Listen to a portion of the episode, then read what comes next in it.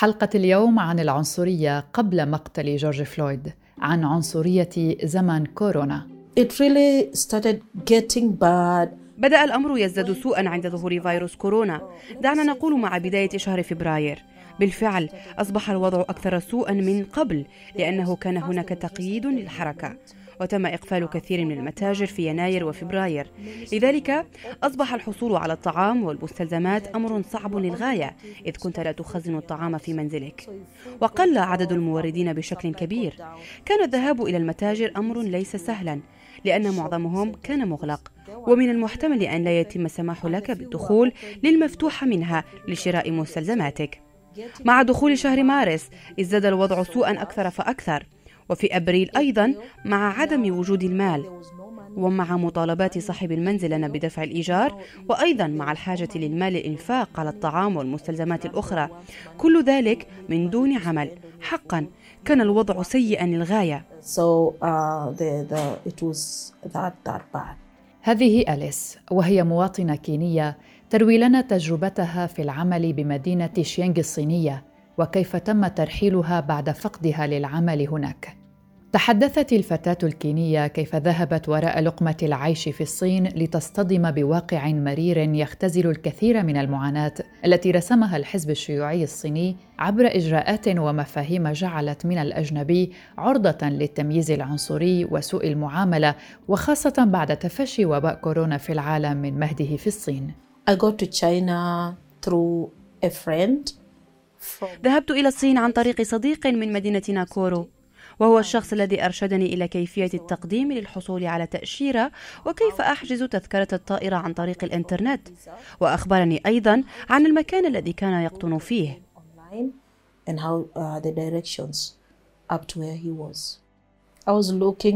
كنت أبحث عن فرصة للأعمال هناك أو حتى للحصول على وظيفة. I was كنت أعيش وأعمل في مدينة شنغن وهي مدينة قريبة من هونغ كونغ إنها مدينة كبيرة ويبلغ عدد سكانها حوالي 25 مليون نسمة. تسرد أليس معاناتها في العيش في الصين منذ لحظة وصولها إلى البلد الآسيوي وكيف تعرضت للتمييز العنصري من قبل السلطات الصينية. Uh. كل شيء كان يسير على ما يرام من حجز لتذكرة الطائرة والحصول على التأشيرة والطيران خارج كينيا. ولكن واجهت بعض التعقيدات عند وصولي.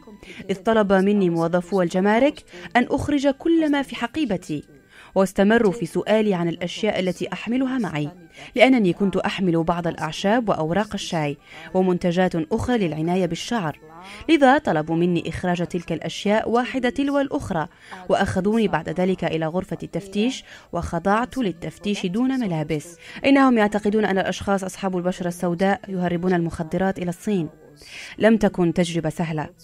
ولكن في جميع الأحوال بعد أن تحققوا من عدم وجود أي ممنوعات في أمتعتي أمروني أن أذهب وذهبت. So it was not a very smooth experience. People who at least helped me. كنت محظوظة حقا لوجود أشخاص قدموا لي المساعدة للتأقلم مع الحياة في الصين. وأخبروني عن طبيعة العمل الذي يقوم به معظم الأفارقة في الصين وهو التعليم لذا كان الأمر سهلا بالنسبة لي لأنني وجدت من يقدم لي المساعدة وهكذا بدأت العمل بعد خمسة شهور من وصولي So after five months, that is when I started. I got my first job. البيروقراطية التي زرعتها السلطات الصينية والخوف من الأجانب والتعامل معهم وخاصة من هم من ذوي الأصول الأفريقية كل ذلك ألقى بظلاله على تجربة أليس في الصين. From having coming from a European country, because they will not take people from Africa, so the agent will always تتم عملية التوظيف عن طريق وكلاء. يجب عليك الاستعانة بوكيل من الجنسية الصينية. في أغلب الأحوال سيأخذك ويقدمك إلى المدرسة. وقال لي أنه يجب علي القول أنني من إحدى الدول الأوروبية لأنهم يرفضون المتقدمين من دولة إفريقية. وبسبب حاجتي للعمل قمت بذلك فعلا. كونك شخصا ذات بشرة سوداء ليس بالأمر السهل في الصين. لم يكن الأمر سهلا على الإطلاق. وكنت أشعر بالعنصرية عند استخدام الحافلات العامة أو القطارات أو سيارات الأجرة.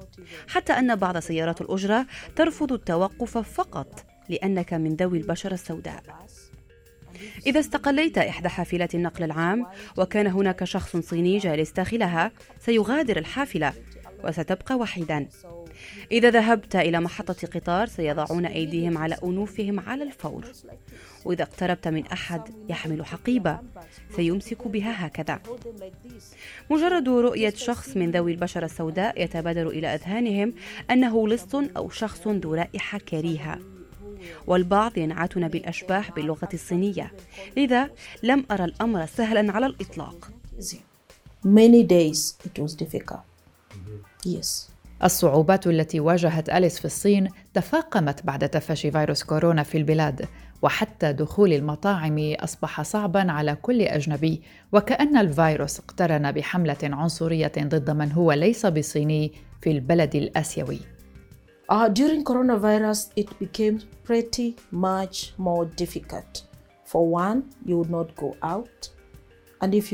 بعد ظهور فيروس كورونا أصبح الأمر أكثر صعوبة وأصبح الخروج من المنزل صعبا وكان من الصعب الذهاب إلى المتجر للحصول على المستلزمات. أتذكر حادثة عندما ذهبت في أحد المرات إلى مطعم للوجبات السريعة لم يسمحوا لي بالدخول وقالوا أن دخول ذوي البشرة السوداء غير مسموح حاليا. وكانوا يضعون لافتة كبيرة مكتوب عليها بالصينية والإنجليزية عبارة الدخول ممنوع وعندما تسألهم يقولون لا يمكنك الدخول باللغة الصينية لأن معظمهم لا يتحدثون الإنجليزية. بعض متاجر التسوق تفعل ذات الشيء أيضا كان هناك متجر أعرفه لبيع الهواتف المتحركة قريب من مكان سكني لم يسمح لي بالدخول وقال لي إنه يمنع دخول ذوي البشرة السوداء حاليا لذا بالفعل زاد الأمر سوءا مع انتشار الفيروس ولست وحدي من تضرر بسبب ذلك بل كثير من الناس أيضا yes, and it affected many people, not only me. That's the truth of the matter. Yes. ماذا تشعر عندما تسمع مثل هذه الأمثلة عن العنصرية التي تجتاح العالم؟ حقيقة نحن محتاجون لنسمع رأيك. نود أن نسمعه في التعليقات. The, the first years before the virus, it was easy. It was a bit easy. كانت السنوات التي سبقت الفيروس سهلة نوعا ما ولم يكن الجميع عنصريا كنا نعمل دون تصريح عمل وكان يطلب منا أحيانا عدم المجيء إلى العمل لأن هناك حملات تفتيشية بعض الأحيان كان يخبرني الوكيل أن أصحاب العمل يريدون موظفين من أصحاب البشرة البيضاء فقط قلت له لماذا؟ فأجابني أن الأشخاص ذوي البشرة السوداء غير قادرين على التدريس بشكل جيد ولا يعلمون جيدا? ومع ظهور الفيروس أصبح الأمر أكثر صعوبة. يمكن ملاحظة أصحاب البشرة السوداء عن بعد. في أحد المرات خرجت من منزلي دون ارتداء الكمامة وكنت متوجهة إلى أحد المتاجر لشراء واحدة فلم يسمح لي البائع بالدخول ولم أستطع الحصول على كمامة مع أنني أريد شراء واحدة. بعدها بعدة خطوات أوقفني أحد رجال الشرطة وطلب مني العودة إلى المنزل لأنني لا أرتدي كمامة كان أمرا صعبا بالنسبة لي I was not able even to buy a mask. I don't have a mask, but I cannot buy it. وبعد تزايد الحملة العنصرية ضد الأجانب في الصين على خلفية التجييش الإعلامي من قبل الحكومة فقدت أليس عملها وباتت تعيش تحت خطر الفقر في ذلك البلد. فقدت عملي في شهر يناير ولم أعمل منذ ذلك الحين Worked. Very funny because immediately we closed school. مضحك للغاية لأنها في شهر يناير أغلقت المدارس فورا وبعد أسبوع أعلنت الحكومة عن الفيروس وأغلقت المدينة استيقظنا في يوم ووجدنا أنه أصبح علينا المرور عبر بوابة للدخول إلى مكان معين بعدها بأيام أعلنت الحكومة عن شيء يسمى رمز الصحة الأخضر ويجب أن يكون موجودا على هواتف الجميع. وبعد ذلك كان مسؤولون حكوميون يزورون جميع المنازل لإجراء فحص فيروس كورونا. في البداية استهدفوا الأشخاص من ذوي البشرة السوداء. على سبيل المثال أتوا إلى الشقة تحديدا لإجراء الفحص ولم يذهبوا إلى جيراني ولم أفهم السبب. إذا لم أحصل على هذا الرمز على هاتفي فلن أتمكن من الدخول أو الخروج من المنطقة التي أتواجد بها لإثبات أنني لم أسافر خلال الأسبوعين الماضيين وأنني أتمتع بصحة جيدة. وإذا كان هذا الرمز غير موجودا على هاتفك فلن يسمح لك الدخول حتى إلى المتاجر. إنه أمر صعب وسيء للغاية. Allow you to go out. When I took the COVID test, عندما خضعت لفحص كوفيد 19 طلبوا مني أخذ رمز معين على هاتفي للاحتفاظ بالنتيجة على الهاتف واستخدامها عند الحاجة. فعندما كنت أذهب إلى المتجر كان يجب أن يرى النتيجة ويجب مرورك من نفس البوابة قبل السماح لك بالدخول. وفي نهاية المطاف تمت التضحية بكل من هو أجنبي وتم إخبار أليس بضرورة عودتها إلى بلدها كينيا رغم السنوات التي عاشتها في الصين. It was not an easy decision because definitely uh, work-wise, even لم يكن قرارا سهلا من ناحية العمل بالتأكيد. حتى مع صعوبة التعامل مع العنصرية يبقى أفضل من الحياة في دولة إفريقية بالنسبة للعمل. كنت آمل أن ينتهي الفيروس بسرعة والعودة إلى العمل ولكن بات من الواضح أن الأمر لن يسير بشكل جيد لأنني لا أملك المال. وصاحب المنزل يطالبني بدفع الإيجار. وعندما سألت رؤسائي في العمل عن عودتي للمدرسة قالوا لا. الأمر صعب الآن بسبب أن الفيروس ما زال موجودا. وقالوا لي إنني يجب أن أعود إلى بلدي لأن العمل في الصين أصبح الآن أمر صعب بالنسبة لي. عندما سألت عدد من أصدقائي عن الأمر قالوا نفس الشيء. عندها أدركت أنه يجب علي الرحيل. لم أكن وحدي. إذ أنني ومجموعة ممن يعانون من نفس مشكلتي. أنشأنا مجموعة على تطبيق واتساب تتكون من حوالي 200 شخص وبدأنا بالضغط على حكومتنا للتدخل وإعادتنا إلى بلدنا. لأنه يوجد كثير من الأشخاص تم طردهم من أماكن سكنهم أيضا من قبل المؤجرين. قائلين أن ذوي البشرة السوداء سيأتون بموجة جديدة من فيروس كورونا إلى الصين ويجب على الحكومة أن تكون حازمة تجاههم. أصبح علينا التقدم بطلب لحكومتنا لإعادتنا إلى ديارنا. أعرف قصة أحد الأشخاص من تم احتجازهم في منازلهم. بعدما أمرتهم الشرطة بعدم الخروج منه وقالت لهم ذلك بسبب أنكم تنوون الذهاب إلى بكين والقيام بأعمال الشغب للضغط على سفارتكم لإعادتكم إلى بلدكم. ونحن لن نسمح بذلك. لا أعلم كيف عرف رجال الشرطة عن الأمر. من الممكن أن يكون عن طريق أحد الأشخاص من داخل هذه المنازل. بدورنا قمنا بالضغط على الحكومة من خلال مواقع التواصل الاجتماعي صفحات فيسبوك وتويتر وإنستغرام وجميع التطبيقات.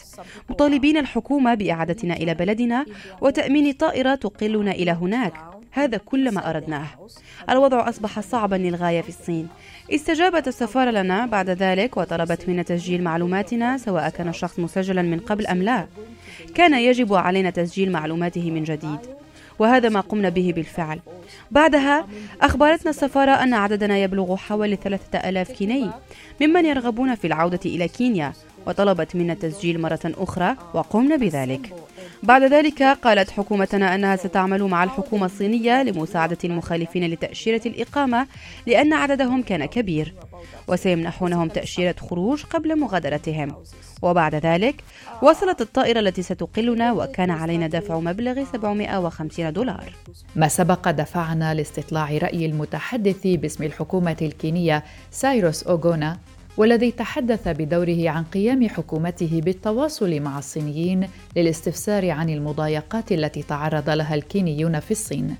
We have had a very close لدينا نظام قريب جدا لمراقبة الوضع في الصين حتى قبل القضية التي تحدثت عنها حتى أنه كان هناك طلاب كينيون في مدينة ووهان بلغ عددهم حوالي المئة طالب لذلك نحن مهتمون بالوضع الذي يعيشونه في ووهان وكنا نتابع ما يحدث في الصين بشكل مستمر about their status in Wuhan.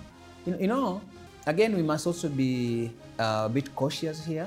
علينا أن نكون حذرين بعض الشيء هنا ليس كل ما يقال يعبر بالضرورة عن ما يحدث حقيقة على الأرض لطالما كان هناك تخصيص للمسائل خاصة إذا كان شخص ما ربما لا يريد الكشف عن مدى وكيفية مساهمته في الموقف لذا وفي الواقع كانت القضايا التي تأتي من الصين في ذلك الوقت في عيون هؤلاء الكينيين الذين عاشوا هناك وليس ممن تعرضوا للمضايقة وتم استهدافهم لأسباب ليست واضحة. وبعد وصول هذه الشكاوى إلى الحكومة كأي حكومة مسؤولة وذات مصداقية تواصلنا مع السفارة الصينية هنا لمعرفة ما هي تلك القضايا ووعدونا بالتحقيق لمعرفة ذلك. The first thing that we did upon, you know, um, أول شيء فعلناه عند اكتشاف أن بعض الكينيين الذين لم يكن لديهم وثائق سفر صالحة هو التواصل مع الحكومة الصينية حول كيفية تسهيل عودة من كان يرغب بذلك. ففي الواقع يجب أن نقول أن الحكومة الصينية كانت رؤوفة للغاية لأنها تحملت أجرة الكينيين الذين لا يملكون أجرة للعودة. ويمكنني أن أقول أننا استقبلنا 225 من الكينيين الذين عادوا من الصين. كل ذلك يدلل على حقيقة واحدة. وهي أن النظام الصيني حاول تجيش الإعلام ضد كل ما هو أجنبي سواء كان ذلك داخل الصين أم خارجها لينجو بفشله من التعامل مع أزمة تفشي الوباء ولو كان ذلك على حساب قيم أخلاقية وإنسانية. لكن تعالوا نستذكر هنا العنصرية المعاكسة التي مورست ضد الآسيويين وتحديدا ضد الصينيين. فمع إعلان انتشار فيروس كورونا في دول عدة حول العالم مع بداية شهر فبراير شباط وانتقاله من الصين إلى تلك الدول تعدت تأثيرات الفيروس الأبعاد الطبية لتصل إلى حد العنصرية ضد كل ما هو آسيوي. العنصرية التي سجلت في أكثر من دولة فيما يطلق عليه مصطلح رهاب الأجانب إذ بات الآسيويون يجدون أنفسهم موضع شك وريبة أينما حلوا. صينيون عبروا من خلال وسائل التواصل الاجتماعي عن خيبة أملهم من التصرفات التي قالوا أنهم باتوا يواجهونها بشكل يومي تصل إلى حد الاعتداء اللفظي وحتى الجسدي إذ أصبحوا موضع شبهة وشك.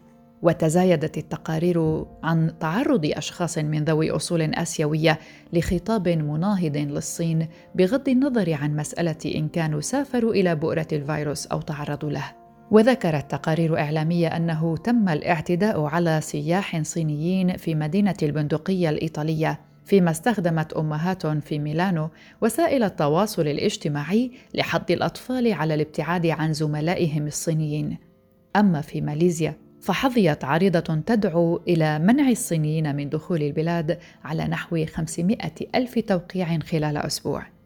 ولا يمكنني الحديث عن العنصرية التي مورست ضد الصينيين وأستثني التاكسي في مصر الذي تعامل مع صيني هناك على أنه وباء فأنزله من السيارة وتركه في وسط الشارع. وكانت دول عدة قد منعت دخول الصينيين إلى أراضيها فيما اتخذت دول أخرى إجراءات صحية صارمة بحق أي شخص آت من الصين أو أي مكان تم الإعلان عن إصابة بفيروس كورونا فيه. هذه العنصرية المتبادلة تشي بتفاقم أزمة عالمية. يبدو أننا أمام أطوار جديدة من المصطلحات والتقييمات لمعرفة من هو العنصري فعلا وكيف تتم محاسبته أو كيف يجب أن تتم محاسبته. لكن الحقيقة التي لا أعتقد أن هناك من يختلف عليها هو أشكال الاضطهاد التي تمارس في الصين وخصوصا من خلال الحزب الحاكم والتي تتعدى الأفريقي بسبب كورونا وتطال الإيغوريين بشكل خاص والتي ناقشناها في حلقات سابقة. وكيف تتم إعادة أدلجة هذا العرق أو هذه الجماعة التي تعيش في أحد مقاطعات الصين؟ وبالعودة إلى العنصرية التي فتحت عناوين جديدة بسبب مقتل جورج فلويد وسلطت الضوء على قضية عالمية تسعى الكثير من المنظمات والجمعيات وحتى الدول لمعالجتها. آخرها كان دعوة الدول الأفريقية مجلس حقوق الإنسان التابع للأمم المتحدة إلى تنظيم نقاش عاجل حول العنصرية والعنف الأمني في سياق الحراك العالمي عقب وفاة جورج فلويد. وفي رسالة وقعتها 54 دولة تشكل المجموعة الإفريقية التي تنسق جهودها حول مسائل حقوق الإنسان طالب سفير بوركينا فاسو في الأمم المتحدة في جنيف ديودوني دي سيري سوغوري. بتنظيم نقاش عاجل حول الانتهاكات الحالية لحقوق الإنسان المستندة إلى دوافع عرقية والعنصرية الممنهجة والعنف الأمني ضد الأشخاص من أصل أفريقي والعنف ضد التظاهرات السلمية.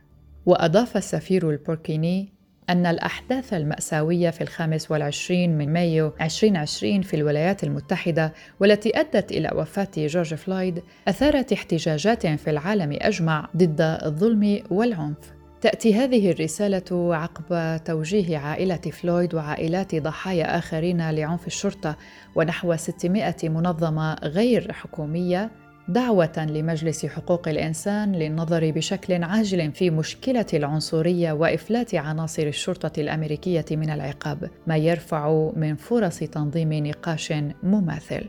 وعلى أمل أن نسمع المزيد من النتائج التي قد تلعب دورا في ردء هذه العنصرية نشكركم لمتابعة هذه الحلقة الجديدة من بودكاست في 20 دقيقة.